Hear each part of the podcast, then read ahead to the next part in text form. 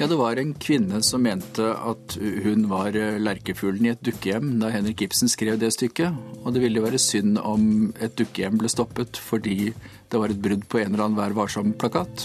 Og det, det sier seg sjøl. Hvis hensynet er å beskytte mennesker som føler seg uthengt i bøker, så er det umulig å avgrense det til sakprosaen. Så den som da ønsker seg et etisk råd og en Vær varsom-plakat for litteraturen, må ut fra sin egen argumentasjon nødvendigvis også gå inn for at den skal gjelde for skjønnlitteraturen. Journalister jobber under klare etiske regler, og det gjør ikke forfattere. Eh, og det jeg syns det er et dilemma at en person kan altså få publisert noe i bokform som vedkommende ikke ville fått publisert i en avis, f.eks. Kurer. NRK P2.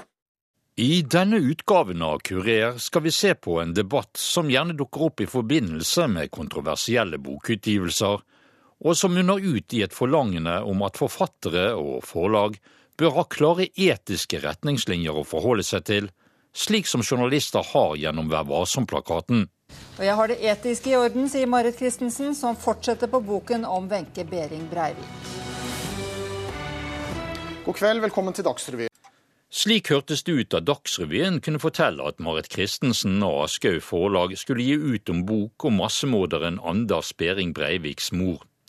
Noe som hadde startet som et samarbeidsprosjekt mellom objekt og forfatter.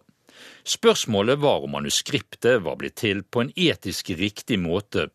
For sikkert er det at Wenche Behring Breivik følte seg lurt av Christensen og forsøkte å få stoppe bokprosjektet før hun døde. Hvor mye og hva kan en forfatter tillate seg for å få tilgang til et stoff til å skrive en bok? Og eh, i det tilfellet så er det jo et spørsmål om hun har overholdt de avtalene hun har gått inn med moren til eh, Anders Behring Breivik om før moren døde. Og det er faktisk mer et spørsmål om avtalerett enn det er om noen redaktørplakat eller noen Vær varsom-plakat for forfattere. Andreas Wiese er journalist og mediekommentator i Dagbladet. Han mener denne hendelsen på nytt har utløst spørsmålet om forfattere og forlag bør få etiske kjøreregler som bl.a. journalister har gjennom Vær varsom-plakaten. Det som er interessant, er at skillelinjene går litt på kryss og tvers. Altså Det fins biografer som syns det er en god idé at vi har eh, kjøreregler og etiske plakater, og det fins forfattere som ikke vil ha det. Det finnes journalister som syns forfattere bør ha det, og det finnes journalister som syns at forfattere ikke bør ha det. Slik at øh, det mest interessante med debatten er at den er veldig vanskelig og veldig komplisert, fordi det man diskuterer på en måte er så variert og så diffust. Hvis man tar journalister, så jobber journalister i det store og det hele nokså likt. De er en profesjon eller et laug med omtrent de samme reglene. Det er lettere å lage en felles plakat.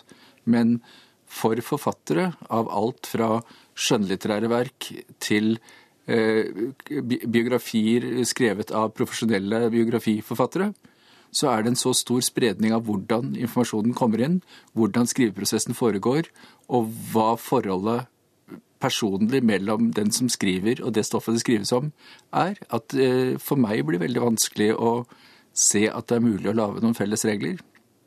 Men eh, denne debatten, om enn eh, den er eh, relativt diffus og, og, veldig spredt, er det viktig å ha denne debatten også bare for debattens del? Ja, det er nesten det viktigste. Altså at man, eh, man er nødt til å ha en etikk, og man er nødt til å praktisere den etikken man har.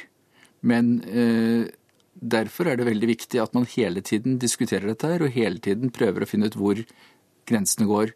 Spørsmålet er bare om man er nødt til å finne ut hva den riktige etikken er fra bok til bok og fra forfatter til forfatter, eller om det er mulig å lage et felles sett med regler som alle skal holde til enhver tid. Det siste er jeg i tvil om.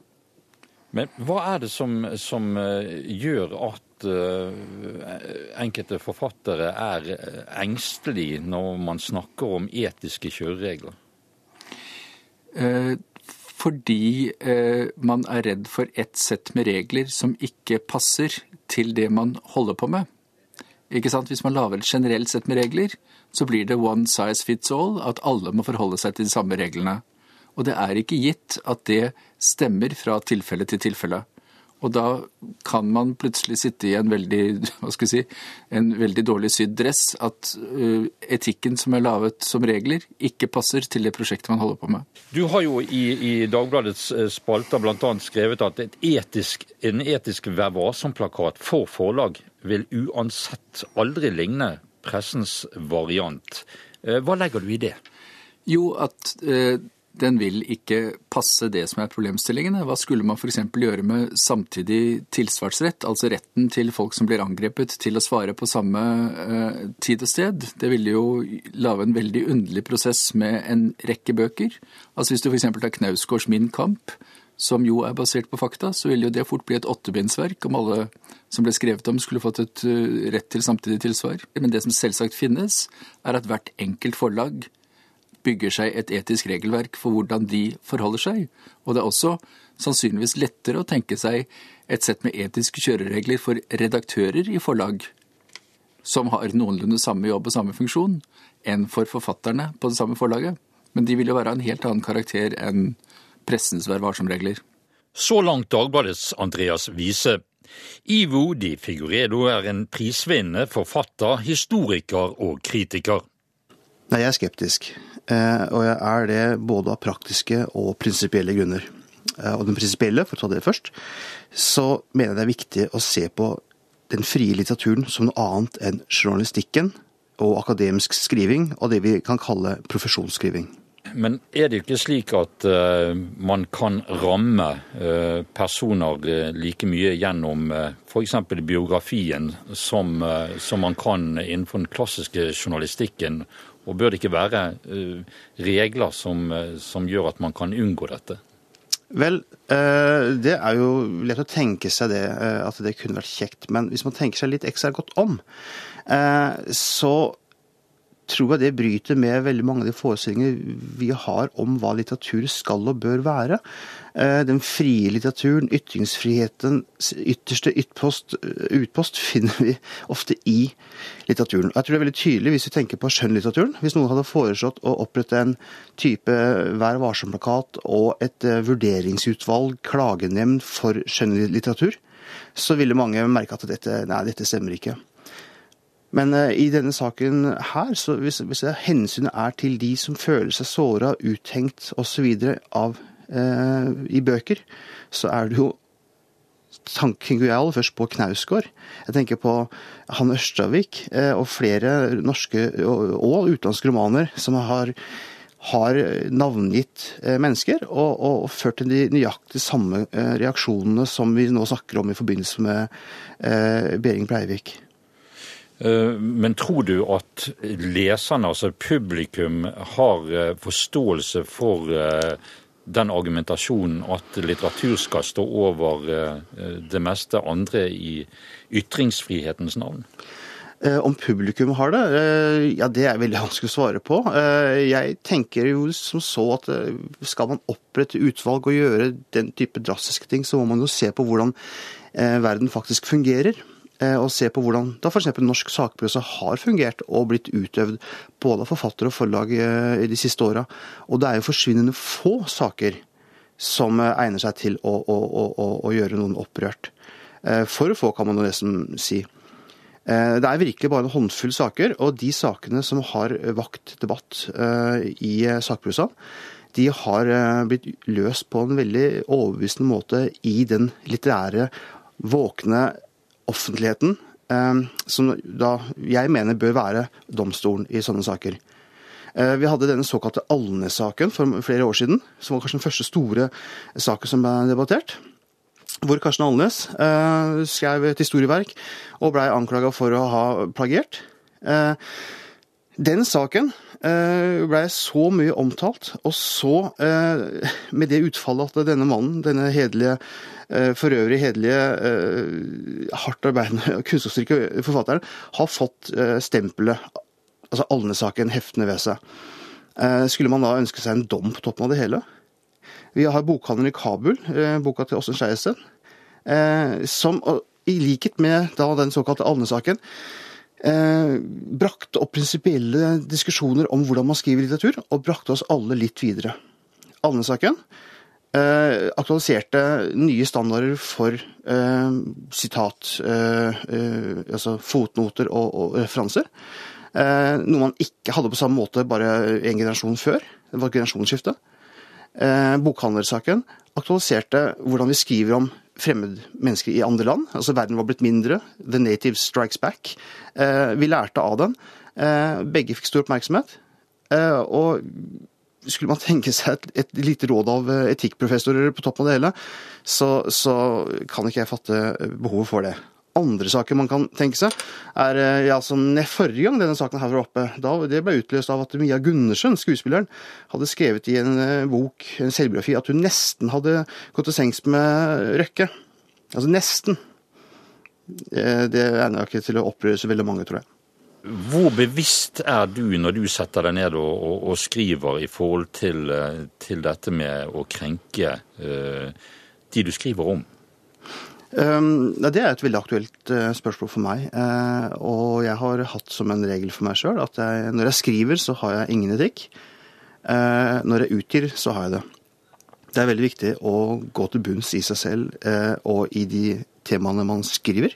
Det kan man antagelig ikke gjøre i dagsjournalistikken, men det er det som er litteraturens mulighet til å gå dypt. Og da må man virkelig legge alt til side, alle hensyn til side, og undersøke søke en sak på tvers av alle etiske begrensninger, eller hva det måtte være. Men når man utgir, så må man jo tenke seg om hva man gjør, og da har man en redaksjon, et redaktør å forholde seg til, og man, har, man er en del av en kultur som gjør at det, det her ofte går riktig for seg. Men det finnes eksempler på bøker som kommer ut som jeg også reagerer på som jeg syns går for langt. Men det er så få at vi skal, være, vi skal heller dyrke videre den levende offentligheten som tar imot disse typer bøkene, enn å rope på, på utvalg og regler.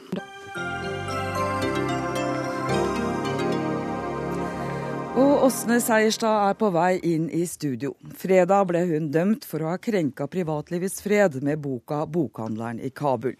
At bøker kan vekke sterke reaksjoner, fikk man et eksempel på i 2002, da Åsne Seierstad kom ut med boken 'Bokhandleren i Kabul'. Hun ble dømt i Oslo tingrett for krenking av privatlivets fred, men frifunnet i Borgarting lagmannsrett.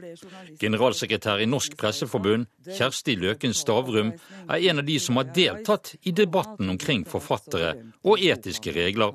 Så Grunnen til at jeg har engasjert meg i denne debatten, er fordi at jeg vil at folk skal være klar over at journalister jobber under klare etiske regler, og det gjør ikke forfattere. Og det jeg syns det er et dilemma at en person kan altså få publisert noe i bokform som vedkommende ikke ville fått publisert i en avis, f.eks. Tror at det er mange som syns at det er en rar tanke at forlagene skal, skal nærme seg dette etiske landskapet som, som pressen har. Og, og, og, da er det lett å, å, ty til enkelte ganske ekstreme argumenter. Jeg kan ikke se at, at norsk presse har fått begrensa sin ytringsfrihet på noen måte. Jeg tror derimot at man vokter den ytringsfriheten med en høyere grad av bevissthet. Og, og, og, grunnen til at jeg har engasjert meg akkurat i dette spørsmålet om etiske regler for forlag, er helt presist at jeg, jeg syns jeg ser noen tendenser til at det virker som om det å få innbundet en tekst i permer eh, gjør det legitimt å f.eks. ta enkeltmenneskers privatliv og lage bok av det, og lage litteratur av det. Eh, og det kan det jo ofte være mange gode grunner til. Hvis den, denne, dette enkeltmennesket f.eks.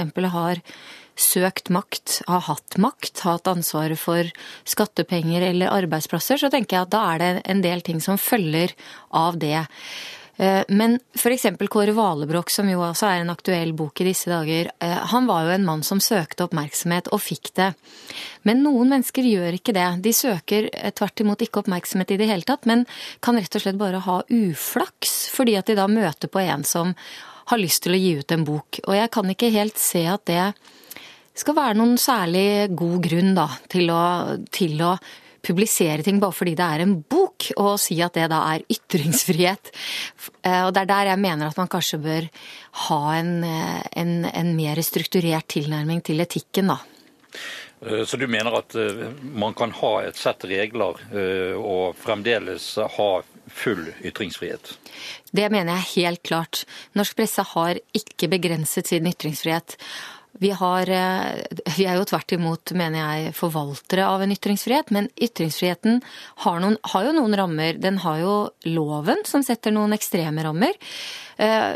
Og det er, jo, det er jo sjelden at blir aktivert. Men, men før det kommer, så kan det være lurt, tror jeg, at etikken struktureres innenfor noen regler som som ikke blir litt sånn tilfeldig opp til hver enkelt forfatter, sånn som jeg skjønner at det er nå. En del av de vi har vært i kontakt med rundt dette programmet, de hevder det at hvis man da innfører uh, den type regler for, for fagbokforfattere f.eks., så må også de skjønnlitterære forfatterne innlemmes i samme regelverk. Og at dette da vil innskrenke de, de, de altså de skjønnlitteræres ytringsfrihet. Mm.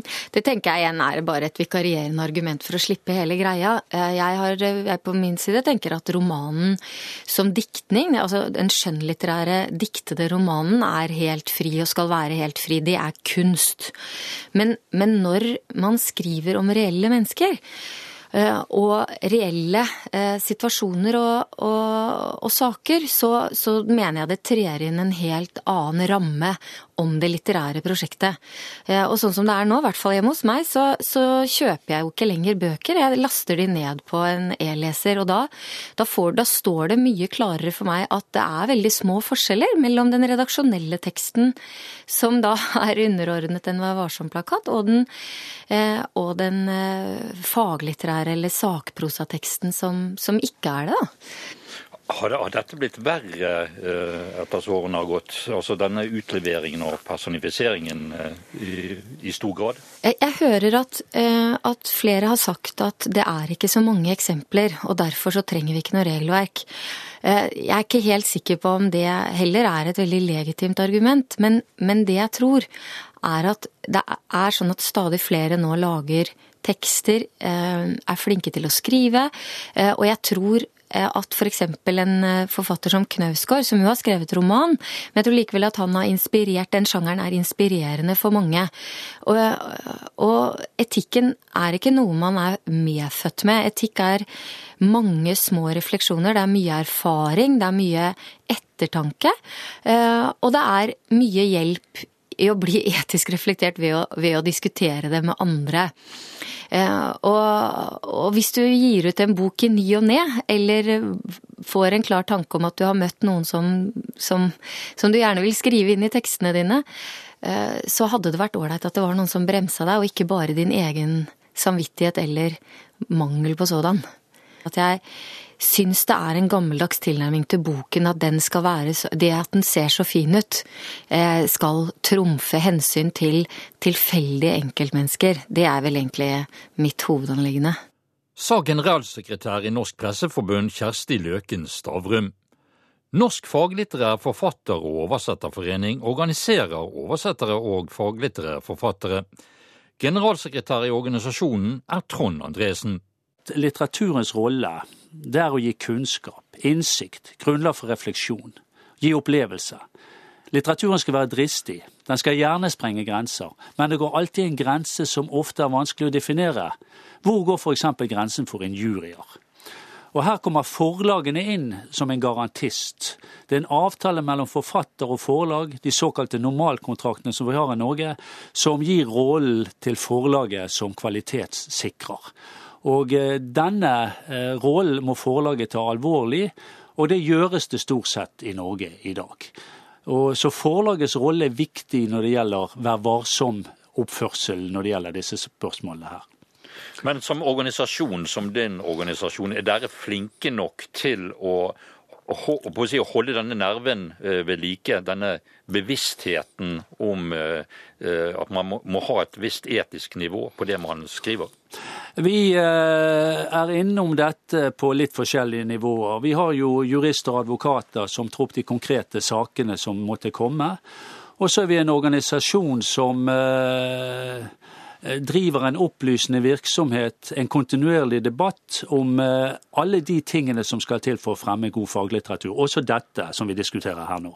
Men vi prøver hele tiden, og vi er klar over at i dagens bokbransje er en glidning i retning av kommersialisme som gjør at man kanskje tøyer grensene ofte litt lenger enn man gjorde før. Og da må pekefingeren frem og si at uh, her må man kanskje stoppe litt og diskutere om man har gått litt for langt. Bokbransjen er jo en litterær institusjon hvor det er mange uskrevne regler og normer. Og der er kjøreregler for dette her i forlagsredaksjonene, eller det skal i hvert fall være det. Men det er ikke skrevet ned uh, setning for setning hvordan man skal oppføre seg som det er i Vær varsom-plakaten i pressen.